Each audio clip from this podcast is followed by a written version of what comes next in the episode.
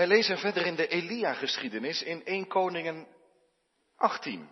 1 Koningen 18. En we lezen vers 21 tot en met 46. 21 tot en met 46. Misschien wel het bekendste gedeelte van Elia die op de Karmel is, de berg Karmel. 1 Koningen 18, vers 21 tot en met 46. Dan lezen we Gods woord als volgt.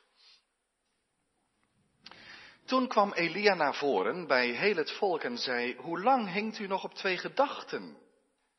Als de Heere God is, volg hem.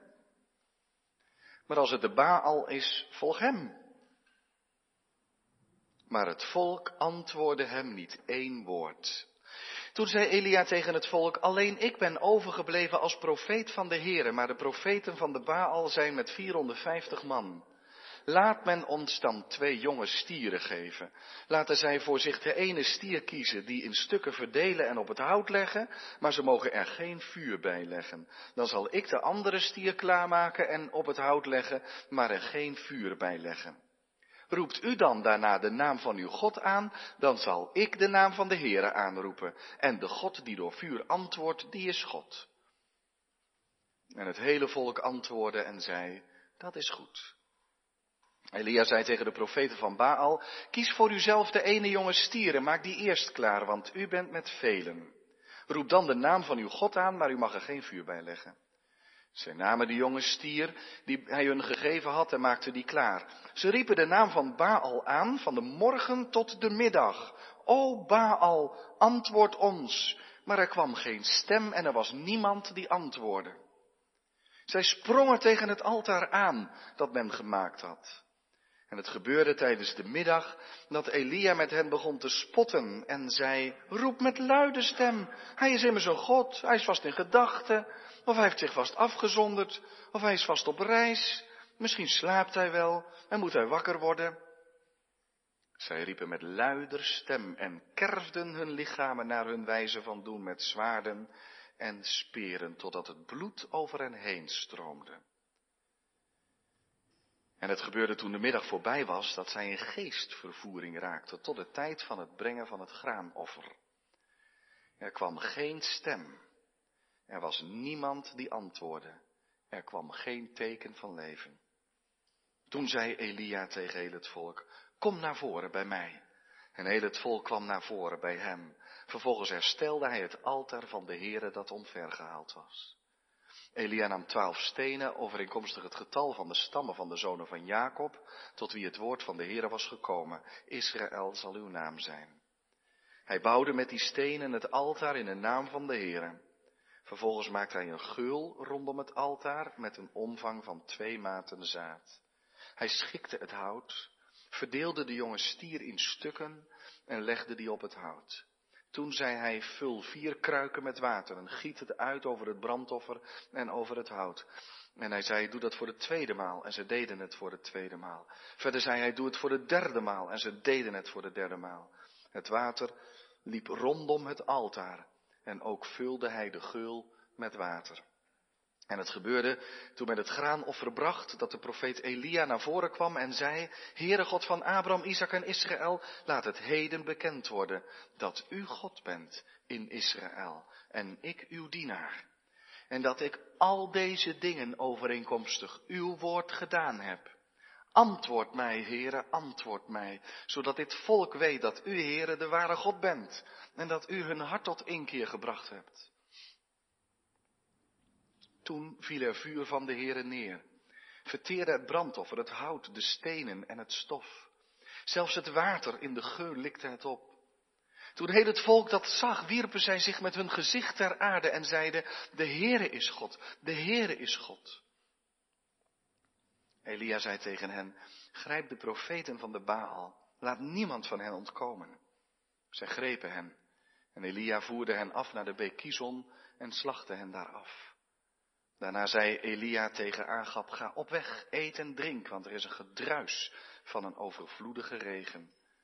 Zo ging Agab eten en drinken, maar Elia klom naar de top van de karmel, boog zich voorover ter aarde. Vervolgens legde hij zijn gezicht tussen zijn knieën.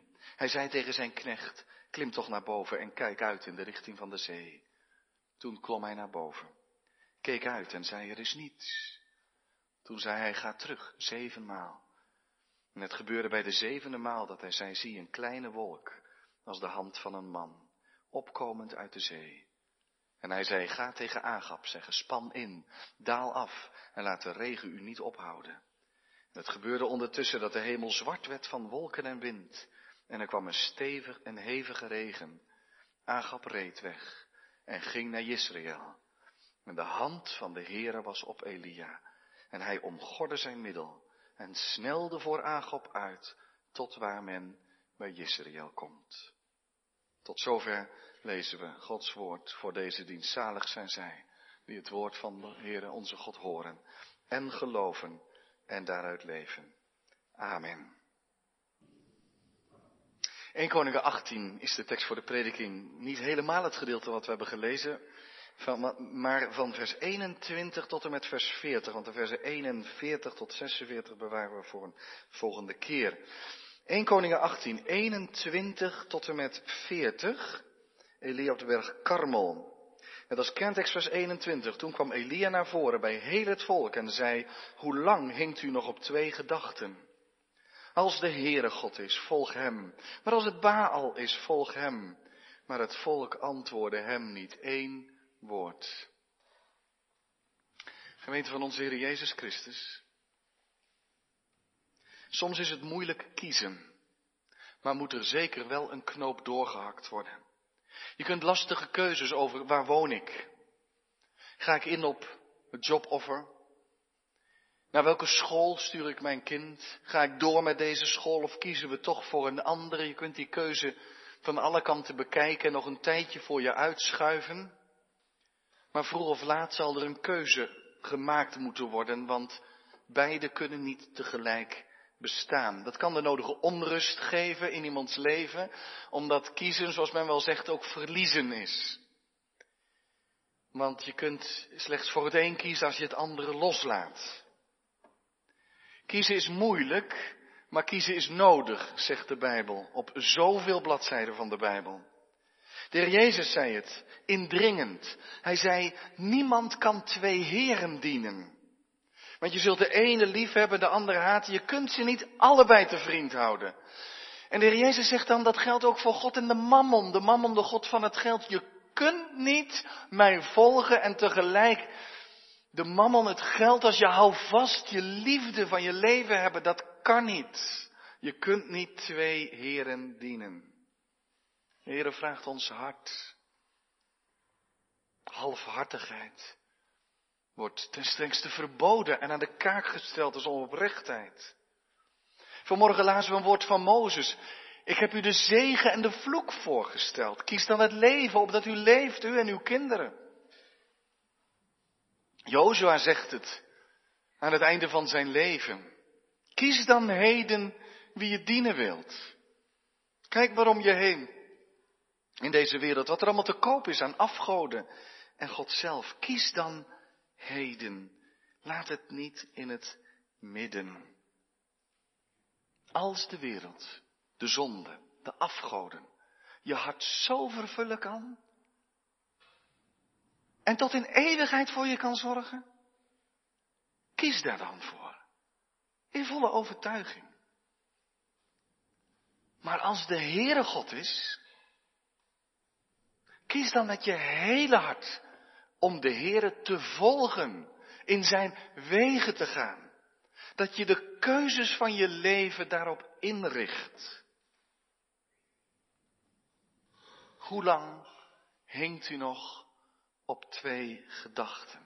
Dat is het thema voor de preek. Massa's mensen komen we tegen op de berg Karmel. Er staat iets bijzonders vandaag te gebeuren. 450 profeten van Babel. Maar als je vers 19 bekijkt, zijn er ook nog 400 van de uh, godin Asherah bij.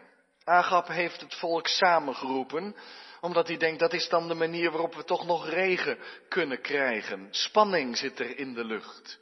Ook bij het volk, want dit was de profeet, die zou zich laten zien, die gezegd had, alleen als ik het zal zeggen, zal het weer gaan regenen. En nu is die profeet op de karmel en hij heeft de profeten van Baal uitgedaagd. Daar staat Elia, Wat een moed voor deze man van God, die in zijn eentje, zo zegt hij dat ook in vers 22, als enig overgebleven profeet van de Here, daar staat tegenover zoveel anderen. Maar de hemel staat achter Elia. En net als bij profeet Elisa, misschien kent u die geschiedenis wel, die een jongen had en ze waren omringd, de berg waar ze op waren. Dan, dan zegt die jongen maar, oh, dat kan niet, ze zijn er zoveel. En Elisa zegt, nee hoor, bij ons zijn er meer dan bij hem. En dan bidt hij of de Heer de ogen van die jongen wil openen. En dan blijkt heel de hemelse legermacht aan hun kant te staan. En zo is dat hier bij Elia ook. Hij staat daar alleen. Maar de hemel staat achter hem. En dan treedt Elia naar voren en zegt, hoe lang hink je nog op twee gedachten? Hoe lang? En zo leefde dat blijkbaar bij het volk Israël. Dat ze de Baals dienden, daar had Izebel en daar had Agap zich sterk voor gemaakt. Maar daarnaast mocht je natuurlijk ook wel de Heren dienen. Het was geen probleem. Voor de zekerheid nog een God erbij. Laten we daar niet moeilijk over doen. En gewoon voor de zekerheid, want als de een niet luistert, dan kan de ander het misschien voor je regelen. En zo hinkte men op twee gedachten. is die uitdrukking, dat gezegde, hinken op twee gedachten, komt hier bij deze, dit Bijbelgedeelte vandaan. Maar letterlijk, als je het letterlijk verstaat, vertaalt, dan staat er zoiets als, waarom hinkt u op twee krukken? Je gaat aan beide kanten mank. En zo is het. Dat kun je natuurlijk prachtig weergeven met, waarom hinkt u op twee gedachten? Maar je gaat aan beide kanten mank. Je kunt je volledige toewijding niet aan beide kanten geven. Het is allemaal zo half-half. Zo leefde dat in dat volk Israël. Er werd geen duidelijke keus gemaakt. En daarom zegt Elia tegen het volk, kies alsjeblieft eens voor één keer duidelijk. Als je echt diep de overtuiging hebt dat Baal de echte God is, laat het dan niet in het midden, maar kies dan. Zeg dan ook gewoon eerlijk, ik laat de Here achter me en ik omarm de Baal en ik stel mijn vertrouwen op de Baal alleen. Maar als de Heere God is, blijf dan ook niet hinken op twee gedachten, maar kies voor de Heere. Maar dan ook duidelijk, dan kun je de andere goden niet aanhouden. Indringende prediking van Elia, daar aan het begin van heel die gebeurtenis op de berg Karmel. Het is net alsof hij zo iemand is als de apostel Paulus laat zeggen. Wij gaan als het ware door de knieën. Wij bidden u namens Christus. Laat u met God verzoenen. Geef je aan de levende God over. Want God komt naar zijn volk. Hij wil regen geven. Maar het volk moet door de knieën. Want wat is regen? Wat is zegen zonder bekering? En daarom komt er niet gelijk een gebed om regen. Ze gaan niet allebei bidden om regen. Eerst Baal en als het dan regelt is Baal God en laat. Nee, er moet eerst een altaar staan. Er moet eerst een offer gebracht worden. Eerst moet het offerdier verteerd worden. Als een teken ervan om nooit meer te vergeten dat God regen geeft. Niet omdat het volk het ernaar gemaakt heeft, maar omdat God door middel van het offer verzoening doet. De weg wil openen naar hun hart en naar de zegen voor hun leven. God wil hun hart tot inkeer brengen. Zo staat het ook in vers 37. Antwoord mij, Heere, antwoord mij, zodat dit volk weet dat u, Heere, de ware God bent en dat u hun hart tot inkeer gebracht hebt. God zoekt hun hart. Wat een liefde is dat.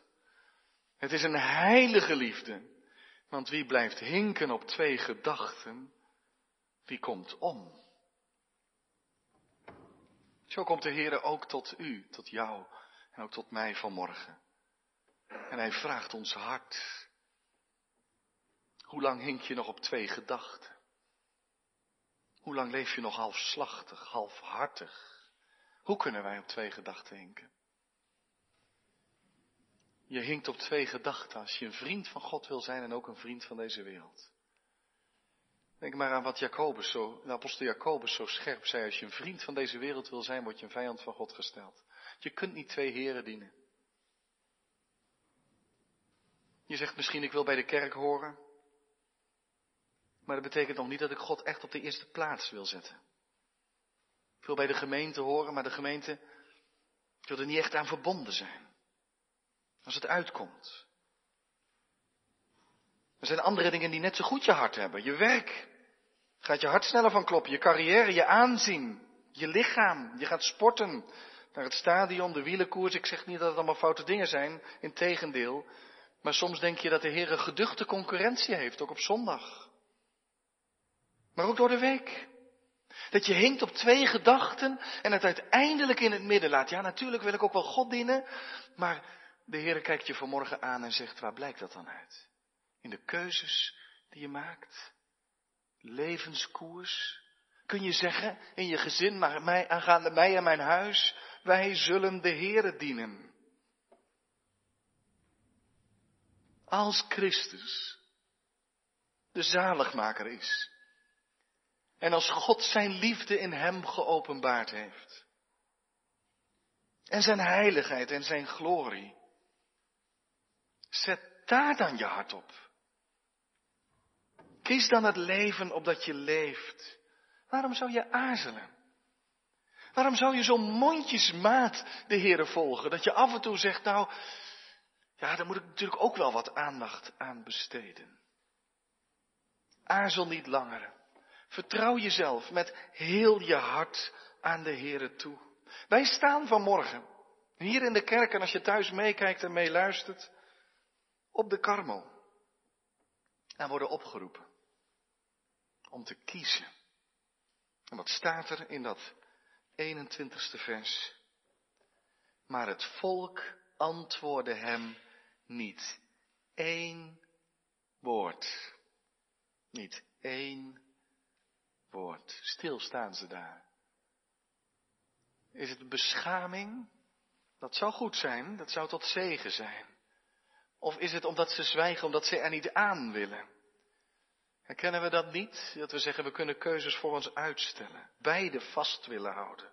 Dat je een preek kan beluisteren en er wat van kan vinden. Je vindt het mooi in zekere zin, maar er komt geen echt antwoord. Dat je niet de kerk uitgaat en zegt, ja Heer, hier ben ik. Met heel mijn hart en heel mijn leven. Mag ik, en ik zie er ook wel tegen op, want het gaat met vallen opstaan, laat het ook maar duidelijk zijn, maar toch, mag ik u volgen? Maar ja, nu toevertrouwen. Er komt geen antwoord. Het volk kan niet kiezen. Eerst moet Baal ontmaskerd worden als namaak en nep. Er komt een duel. Er zijn twee stieren die geofferd gaan worden. Er is een altaar klaargemaakt. Er moet een offer gebracht worden. Er moet vuur uit de hemel komen. Zo presenteert Elia dat daar. Hij zegt, we zullen het maar gaan zien dan. Regen kon Baal niet geven, vuur dan misschien. Die kans krijgt hij dan toch nog. Eerst mogen de Baalpriesters, zij zijn in de meerderheid en zij maken dat altaar klaar. Ik vertel het maar even kort wat hier staat. Ze maken het altaar klaar, ze zien dat blijkbaar wel zitten. Dat is ook niet zo vreemd, want God is de, de Baal is de God van het vuur en van de bliksem, dus die zou daar ongetwijfeld wel een oplossing voor moeten hebben. En dan begint hun gebed. Kijk naar vers 26. Van de morgen tot de middag bidden ze, o Baal, antwoord ons. Maar er was niemand. als je dan heel goed naar dit gebed kijkt, dan zie je echt wat heidens bidden is. Precies zoals de Jezus zegt in Matthäus 6. Als hij het over het gebed heeft, bid dan niet met een veelheid van woorden of met een omhaal van woorden. Want sommigen menen dat ze door de veelheid van hun woorden verhoord worden. En zo bidden die Baals profeten hier. Ze gaan straks zelfs dansen rondom dat altaar. Ze komen in geestvervoering, in extase. Ze snijden zichzelf.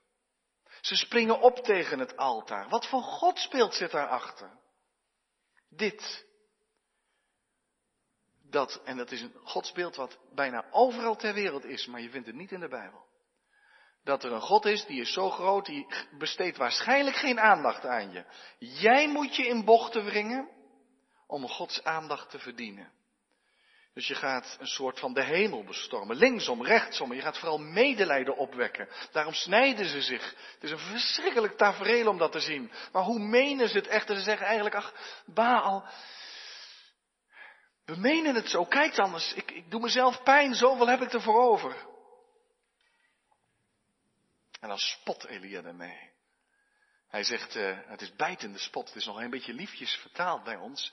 Maar hij zegt eigenlijk, zou je niet wat harder roepen, want volgens mij zit hij op de wc. Ja, hij heeft zich afgezonderd.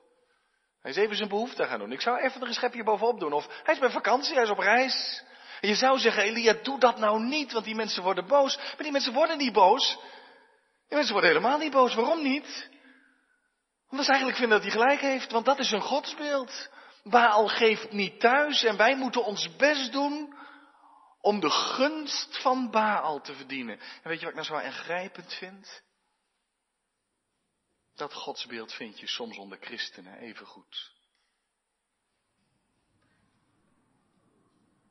Dat je aan je eigen bidden, of soms aan een ander, merkt dat er eigenlijk geen geloof is dat God het wil geven. En dat wij het wel willen, maar God eigenlijk niet. Als God nou eens zou willen zoals wij zouden willen, dan zou het nog wel goed komen. En dan bestormen we de hemel met de beste bedoelingen. En de Heere kijkt je aan en zegt, als jij toch eens zou willen zoals ik zou willen, dan zou het goed komen. De Heer Jezus zei, bid liever als kinderen. Uw vader weet wat u nodig hebt. Nog voordat je tot hem bidt, kun je eenvoudig bidden, vol vertrouwen. Hoe zijn onze gebeden? Wij mogen geloven dat er een vader is die luistert. En dat hij gereed staat om zijn kinderen alles te geven wat ze nodig hebben. Hun leven te leiden, en van het goede te voorzien, dwars door alle beproeving en moeite heen. Uw vader weet Bid niet als de heidenen, word hun niet gelijk, zegt Jezus. Elia drijft er de spot mee, zoals op veel plaatsen in de Bijbel de spot wordt uh, besteed aan die afgoden. Uh, Jezaja zegt ergens, dat is ook wat, je loopt uh, naar het bos, je hakt een boom om, de helft stop je in je open haard, de andere helft schilder je op en daar buig je dan voor. Spot, bijtende spot. Psalm 135 heeft het ook. Oren ziet men aan hun hoofd, maar ze horen er niet mee. Dwaas, hè, afgoden, dwaas. Die spot is terecht. Maar, maar, hoe zit het met onze afgoden? Hoe zit het met onze afgoden? Steken we daar ook de draak mee? Spotten we daar ook mee? Je zet- en surfverslaving? Je gameverslaving, je Netflixverslaving, je pornoverslaving, je genieten van je mooie lijf, je drijven op succes en aandacht, genieten van de beheersbaarheid van het leven. We kunnen nog wel even doorgaan, maar misschien kun je het voor jezelf invullen. Steken we de draak mee? Spotten we er ook mee? Hoe deze goden ons dan bij gaan staan als ons leven wankelt? Hoe dwaas zijn die Baalsdienaars. Dit Bijbelgedeelte zegt er is één God. Er is één ware God. Hij is de schepper van hemel en aarde. Dien hem dan ook.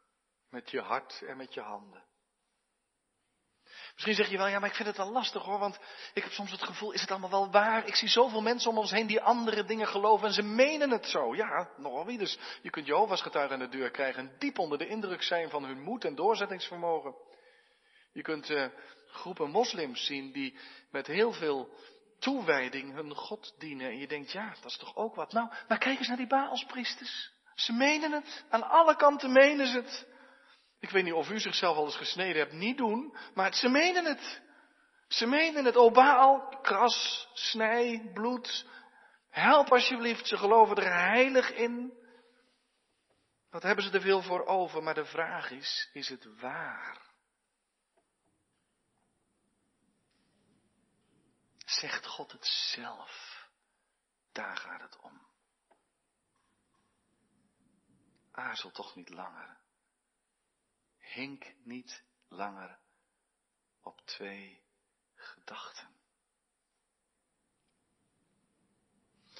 In vers 30 lezen wij dat Elia zegt, kom nu maar naar mij toe, het heeft nu wel lang genoeg geduurd. Uur na uur na uur is verstreken en er was niemand om te luisteren. Dan herstelt hij het altaar van de Heere dat daar blijkbaar geweest was. Dat is ook een prediking, hè? Het volk moet terug. Het is ook wonderlijk. Hè? Elia staat daar in het tien stammenrijk, maar hij bouwt een altaar van twaalf stammen. God voegt zich niet altijd naar onze geschiedenis met al onze breuken, maar zegt, ik heb mijn verbond met twaalf stammen gesloten, twaalf stenen, dat altaar daar op de karmel. Dat moet hersteld.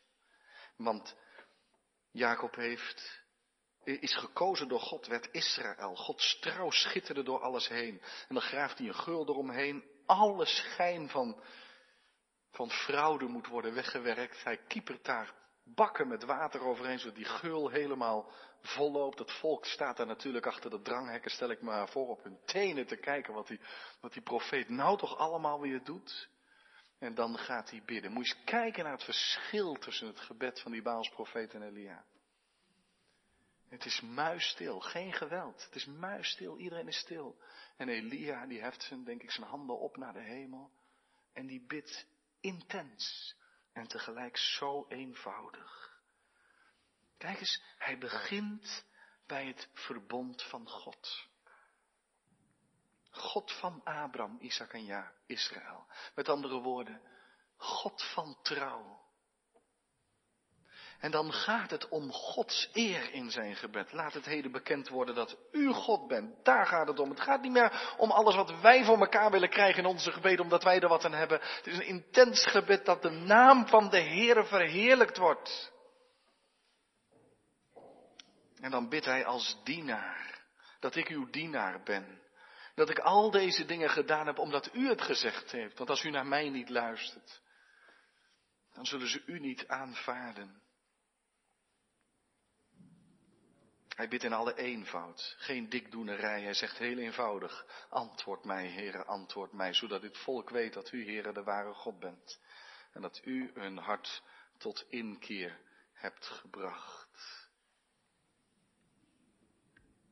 Eigenlijk zegt hij, uw naam worden geheiligd. Uw koninkrijk komen. En toen viel er vuur vanuit de hemel. En verteerde dat brandoffer, er blijft niets van over. Het hout, de stenen, het stof. Zelfs het water in de geulen weg. Machtig wonder. Alles verterend vuur vanuit de hemel. Maar het verteert het offer, niet het volk. Had ook gekund. Het verteert het offer, niet het volk. Na dit offer is er ruimte voor regen. Dat verwijst dit offer naar de Heer Jezus Christus, die het lam van God is, wat geofferd werd voor de zonde en de schuld. En het verteerde hem, opdat het volk dat er omheen stond te jouwen en te joelen, genade zou leren kennen. Wat een machtige, trouwe God hebben wij.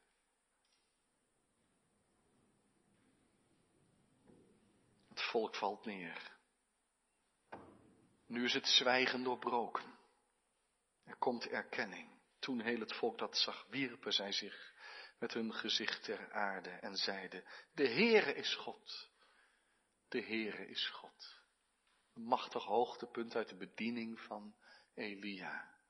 Mijn God is de Heere. En hier vindt het weerklank. De Heere is God. De Heere is God. En wij,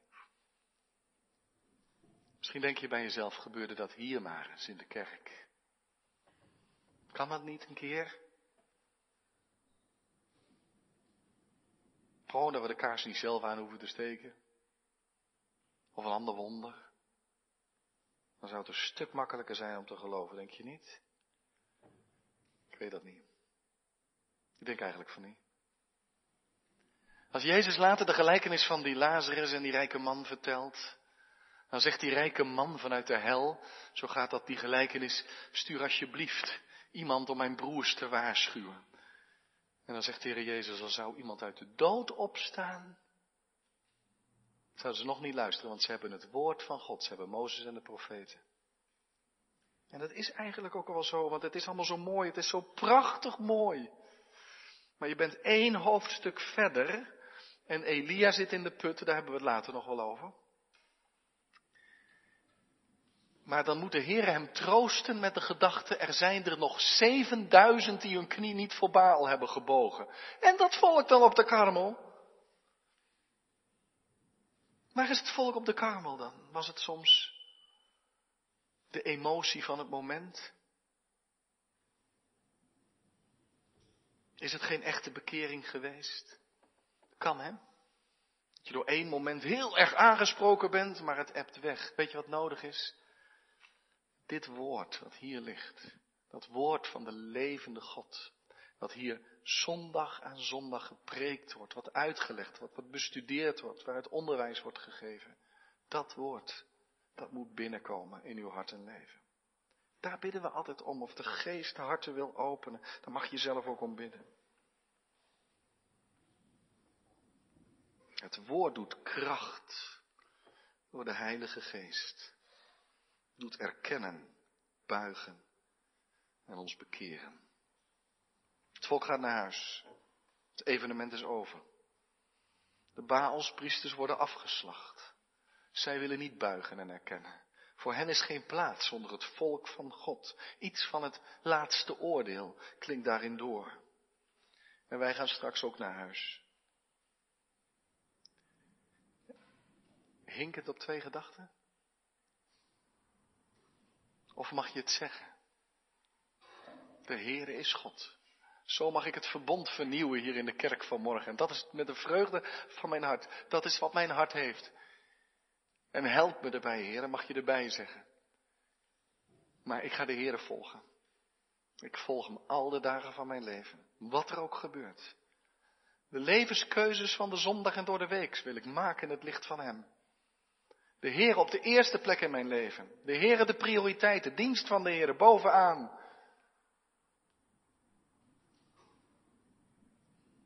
Of zwijg je, zoals in vers 21. Toen zweeg het volk stil. Zeg het toch, alsjeblieft, voor het aangezicht van God en van de Heer Jezus. De Heere is God. Hem erkennen we. Amen. Wij zingen twee versen uit Psalm 97, verder uit waar we aan het begin van de dienst al zongen. Vereer de Heer alleen. Twee versen van Psalm 97.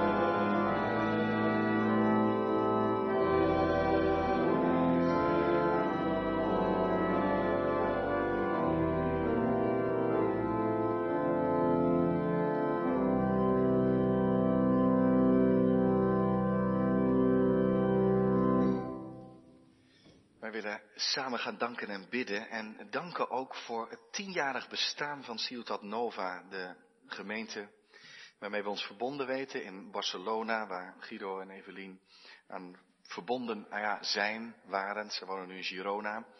Maar de gemeente daar bestaat tien jaar en hebben dat gisteren gevierd in een feestelijke dienst. We willen bidden voor Helene van Velen en Lars. De vader van Helene is overleden, opa van Lars. We willen voor hen bidden. We willen ook bidden voor de grootvader van Evi van Mol, die sinds zondag in het ziekenhuis ligt en zijn eigenlijk geen goede vooruitzichten voor herstel. Heeft een hoge leeftijd, bijna 94 jaar. Sommigen uit de gemeente kennen hem nog wel. Zullen we samen bidden? Heren, u bent God, de enige ware God. U te kennen, heren, dat is het leven. En Jezus Christus, die u gezonden heeft. Heren, elk moment dat wij ons hart verpanden aan de dingen die voorbij gaan, de schone schijn van het leven, vergissen wij ons. Heren, mogen we u kennen en met u leven in deze wereld, op de plaats waar u ons stelt. Dat als het ware boven ons leven, dat geloofsgetuigenis geschreven staat.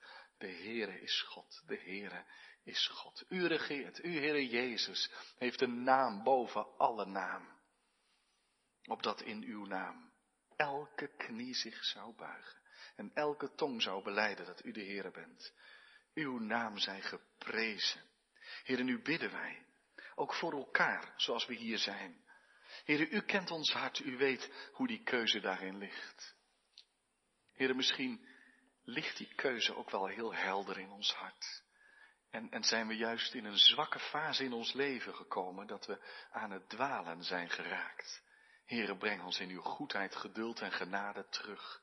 En dat, dat leven aangewakkerd wordt. Kom, Heilige Geest. U kent ons ook als we misschien van onszelf niet eens willen weten dat we het wel in het midden laten. En dat u niet de eerste plaats in ons leven heeft. Dat u erbij mag.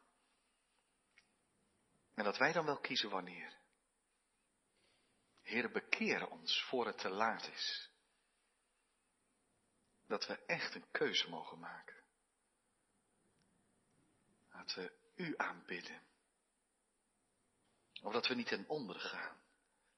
Want heren, alleen daar is leven en, en redding te vinden bij u, de levende God. We bidden voor de jongeren van de gemeente dat ze die keuze duidelijk mogen maken, keer op keer. Voor de kinderen, dat die keuze al vroeg in hun leven valt.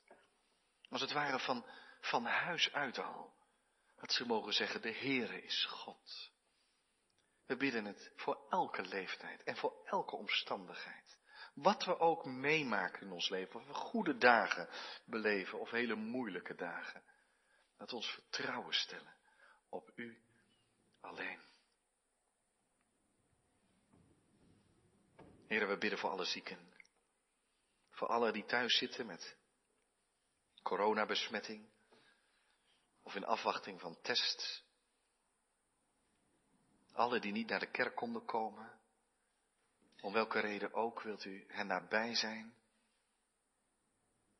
Heren, we bidden in het bijzonder ook voor Helene en voor Lars.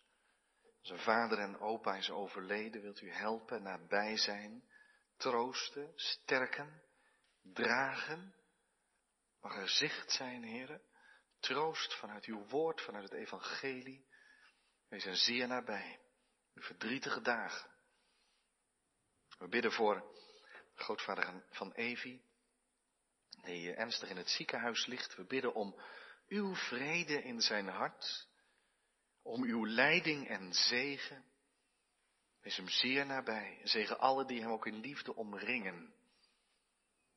Heer, we danken u heel hartelijk voor het tienjarig bestaan van Ciutat Nova in Barcelona.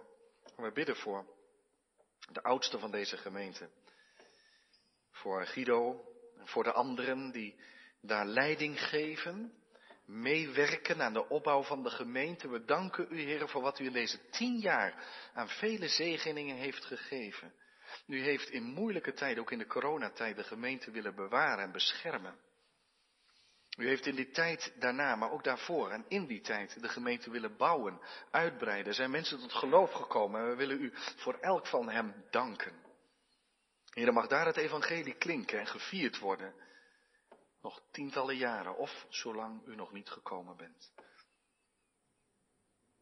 Heer, geef daar uw zegen.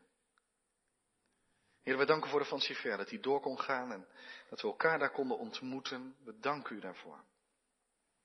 We bidden u voor heel het gemeentelijk leven, ook de komende week, bij alles wat er te doen is. Mag het zijn tot eer van u, tot opbouw van de gemeente. Heer, help ons om elke dag ons te oefenen in het geloof. Zegen ons gebedsleven. Geef trouw in het leven met uw woord. Heer, laat uw koninkrijk komen. Wij bidden dat van u. In de vergeving van onze zonden.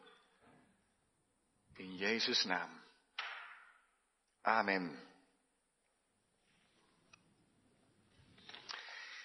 Wij zingen het lied Zegen ons al goede. Nu twee coupletten en na de zegen het laatste couplet. Zegen ons al goede. Laten we daarvoor gaan staan.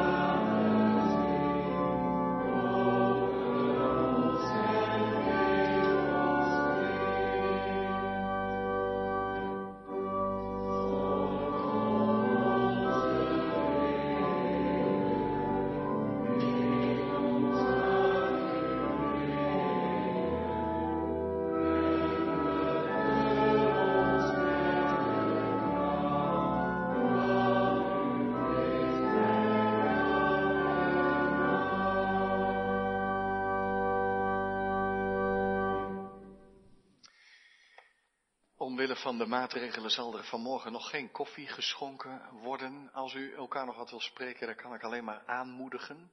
Dat zou u bij de boekentafel kunnen doen bijvoorbeeld. Het is maar een gedachte. Er is geen collect in deze dienst geweest, maar die zijn natuurlijk wel nodig. En het is goed de heren met uw gaven te dienen. Kan fysiek in de collectezak, QR-codes en kaartjes liggen klaar. Uh, er ligt de uitnodiging voor de ontmoetingsochtend. Die kunt u voor uzelf of voor anderen meenemen. Het gaat over gedenken en vieren. Straks zingen we verder in dit lied, maar ontvang nu met biddende harten Gods zegen en ga daarna heen in vrede. De Heere zegene u en hij behoede u. De Heere doe zijn aangezicht over u lichten en zij u genadig. De Heere verheffen zijn aangezicht over u en geven u vrede. Amen.